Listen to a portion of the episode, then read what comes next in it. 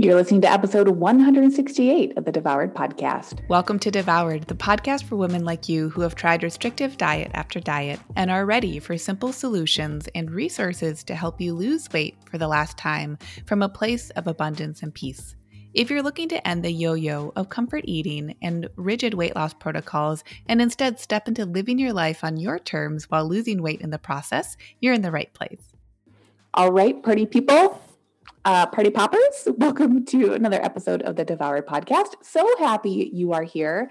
I am coming to you from a rather warm Portland day. We are here. We have uh, two days of a bunch of heat here in Portland, kind of a heat index that is rather high. But I will say the difference now coming back to Portland than when I was in Minneapolis. I was in Minneapolis in the Midwest for about five weeks uh, through June and part of July y'all, I'm going to keep on talking about it. The difference between humidity and non humidity, woo, it makes it very easy to manage the warmth here in Portland because it's not humid. We don't have any AC units. We just have some fans that we turn on and we shut the house down. We close the window shades once it really starts to hit peak heat. So we are rocking and rolling with a couple of hot days. I hope your summers have been going well. Today, we're going to be talking about the difference between feeling safety with your food and feeling comfort with your food. I recently posted a video to TikTok where I was talking about the idea that, like, if you want to lose weight for life, you're actually going to have to work on feeling safe around your foods. And what I noticed in the comments of that TikTok video, and I'm live right now on TikTok, so hi to those who are watching. What I noticed is that there was some confusion or conflation of the idea that foods feel safe and that foods provide us comfort. So I wanted to dive in, actually make a whole podcast episode on the difference between what feels safe with our foods and what is comforting with our foods. Now, this is something that I notice a lot with clients, and I would say with anyone who has felt like their weight is a struggle, and their weight is a struggle because of yo yoing behavior. So you're either on the diet or you're off the diet. You're doing the diet, you're not doing the diet, right? So, what's actually going on there? Well, in the TikTok video, and for those who are watching TikTok right now, you can watch that video. In the TikTok video, what I was saying is that yo yo dieting is not the root problem. Yo yo dieting is a side effect. And it's a side effect of not feeling safe with our foods. And so, in today's episode, what I hope you all are going to take away from this episode is the understanding and the idea that safety is a different feeling than comfort. Many of us use food in order to comfort ourselves, and that's actually a really big strength for us in our lives. Many of us have a story where, at some point, and in Lean and Liberated, there's a, a module that you go through at a certain point where you really start to like dig into your history as you feel ready to, right? It's always for you, by you, this entire process of losing weight for life. So, in this process, what gets to happen is that you get to do some storylining. And what that storylining is, is that you start to go back, and even in one on one sessions, we start to notice that when we're digging into what it is that we believe about how weight loss works for us, where we're going with our lives, when we dig and dig and dig, we start to recognize that there are just some specific reference experiences that tend to crop up and again and again. And what a reference experience is, is maybe it was a phrase, something someone told you that really stuck with you. Maybe it was, hey there, maybe it was uh, your ability to look at the world with a certain lens because of what someone either indirectly showed you about how the world works, what it means to be in your body, you being a, you know, a kid who had a big appetite or, you know, whatever the specific instance is. The beautiful thing about this work is that we all have our own individual stories and they really are very unique. So with our unique stories, we then are able to start to understand like what are the certain themes that we might be coming to because of the stories. And what we start to find very often is that we use foods to comfort ourselves. And how many of us have heard of the term like comfort eating? Well, comfort eating is a form of taking care of ourselves that in the short term can usually buffer or numb certain emotions. Either the emotions feel too big, they feel too overwhelming, they feel like they're coming in at inappropriate times, we feel like we just need to be getting through our days. or we feel like we've gotten through our day so much that now we comfort eat in order to buffer and unwind and give ourselves some sort of a transition from the difficulty of our days into the, you know, our evenings, what have you. So the difference between comfort eating that comfort eating, well, the difference between comfort eating and feeling safe with our foods is that comfort eating is supporting us in the short term. And even though at one point it was probably the most adaptive behavior that you had, meaning there was that reference experience where at some point reaching for the bag of potato chips actually gave you a break from the big emotions that you didn't know how to handle because why would you where where would you have learned that you're probably fairly young when that was starting to happen and starting to become a pattern for you we have to understand and love the idea that eating for comfort was probably really life-saving for us in a lot of ways and all that's really happened is that that behavior was adaptive in the short term in the moment way back when, and now is simply a not so useful habit that we're still engaging in from a nervous system perspective. Does that make sense? When our nervous systems have these certain habits, then the comfort eating becomes uncomfortably comfortable because we can recognize from an analytical standpoint, man, eating the bag of potato chips at the end of the day, the bowl of popcorn, whatever it is, doesn't feel so good. Why do I keep doing it? Logically, I know that it's not super helpful, but why is it that I keep doing it? Well, this, my friends, is where it becomes really cool because that instance right there, that intersection is exactly where we start to understand that we have our analytical left brain and our emotional right brain. So we can be doing things that are supportive for our analytical brain or we can be doing things that are supportive for our emotional brain. And the other side of the brain is going to have an opinion about that. So when we're comfort eating, what we want to be making sure that we're doing is that we're not conflating it with eating because we feel safe.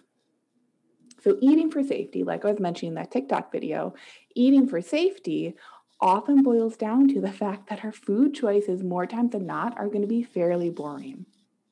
Like if you really boil down, and this is something that I teach in Lean and Liberated, if you actually boil down the basics of nutrition, the basics are really boring. you got to make sure that in general you're eating some protein, in general you're eating some fresh vegetables, in general you're eating fresh fruit, in general you're getting fiber and like kind of quality sources of starches, and in general you're getting some good healthy quality fats. And then you're in general you're eating while you're hungry and you're stopping when you're full. Those are the basics of nutrition right there. It's very condensed and boiled down, but that's pretty much what's happening. So if we feel like we cannot tend to those basics, it's not about us having to constrict or restrict ourselves even more. It's not about saying, like, man, I've got to find the more restrictive diet. I really shouldn't eat sugars. If I tell myself I won't, then I won't, right? Those are all coming to our food and nutrition choices from a place of a lack of safety. It's trying to reduce comfort eating by saying, I no longer need to comfort myself. Well, that'll work in the short term, but in the long term, it's not actually very life giving. So, in order to feel safe with our foods, we have to understand why is it and in what ways am I comforting myself with food? And the comforts might take a little bit of time just to be with, quite frankly. I was talking with a client recently, and especially when you're a smart, bomb ass woman, which is like all of the women I work with in Lean and Liberated, many of us are going to be the people who feel like we should have this stuff figured out, whether professionally, whether personally, because we like self development, because we know this stuff analytically. But the difference here is really starting to say, would I like to allow my nervous system the space to express itself? When we're guided by our nervous systems, instead of our analytical left brain, for maybe the first time in our lives, or at least in this arena, one of the first times in our lives, right? We're not hyper managing with a diet or a good food, bad food list. we're not going to know what's going to happen. When you're comfort eating and it's uncomfortably comfortable, it's very predictable. So, not knowing what's going to happen can feel like one of the scariest, baddest things out there initially. And so, this whole process, when I'm saying nervous system and I'm saying safety and I'm saying comfort, what I'm trying to express here is just the idea that, like, we need to give ourselves time.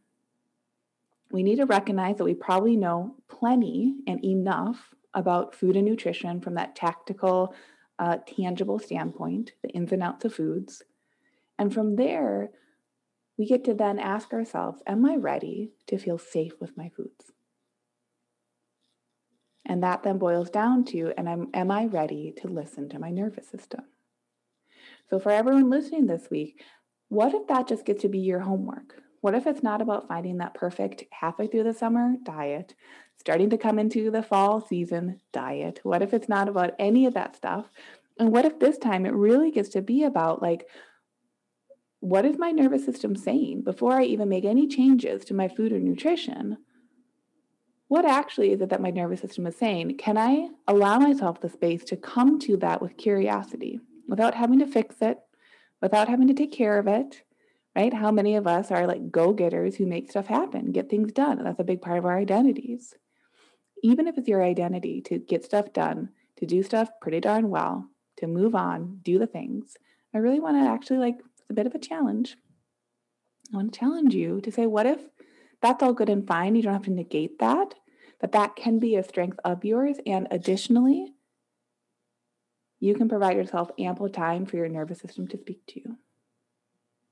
The way that we do that is that we start to integrate coming back into the present moment.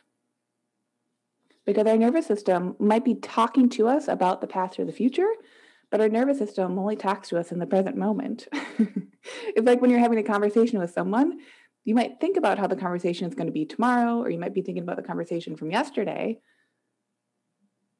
But when you're actually having the conversation, it's happening in the moment. Same with our nervous systems. So instead of feeling like you have to be completely prepped, you have to know exactly here, here's my list of questions I'm going to interview my nervous system. I need to get that information to get and get out. I want you to treat this like a conversation that you're having with a good friend, where your only job is just to arrive to the room together where you're going to chat. And then you're just there to let conversation flow. And you know that when you're with a good friend, there might be an awkward moment where you both don't have anything to say and nothing's gone wrong. There might be a moment where you're both laughing so hard you pee your pants and you know nothing's gone wrong. When you're having a conversation with a good friend, it just gets to be because you're there for the experience of the present moment. That is exactly the type of feeling that like if you're looking for like a, a waypost or a signpost about what it's like to be in conversation with your nervous system, I want you to fall back on that example. Your nervous system is your friend and your buddy. And it's been looking for a conversation. It's been hoping for one. And if you'd like to come to the present moment, you can. That means you're going to be noticing what is it that I'm feeling in this moment. And then you're going to let your nervous system talk. There's no need to talk over it. There's no, there's no need to one up it. As you let your nervous system talk, it's going to share with you information. And your only job as its friend is to listen and to support it. So that's the difference between eating for safety and eating for comfort that comfort and safety can occur at the same time. Because here's the deal let me also add in once you've played around with that and you've had that as homework, I want you to remember too that there's absolutely nothing wrong with comfort eating. It was adaptive at one point, and quite frankly, as humans, we have plenty of tools that we can seek out and use for comfort. So there might be times in the future where you also want to eat for comfort. But the main goal and mission is that you have truly informed consent, that you are consenting to the type of comfort eating that you're engaging in. Many of us aren't actually recognizing that we're comfort eating without kind of authentic informed consent. So that's all that we're doing here is that we're untangling, detangling, combing out, paying attention, tending to our nervous systems. And from there, then we can have the rich conversations with them. Then our nervous systems can really actually tell us and have a conversation instead of us having a monologue or just like plugging our ears and never listening to what they're saying. So try that out this week, my friends. I'll see you all on next week's episode. Bye.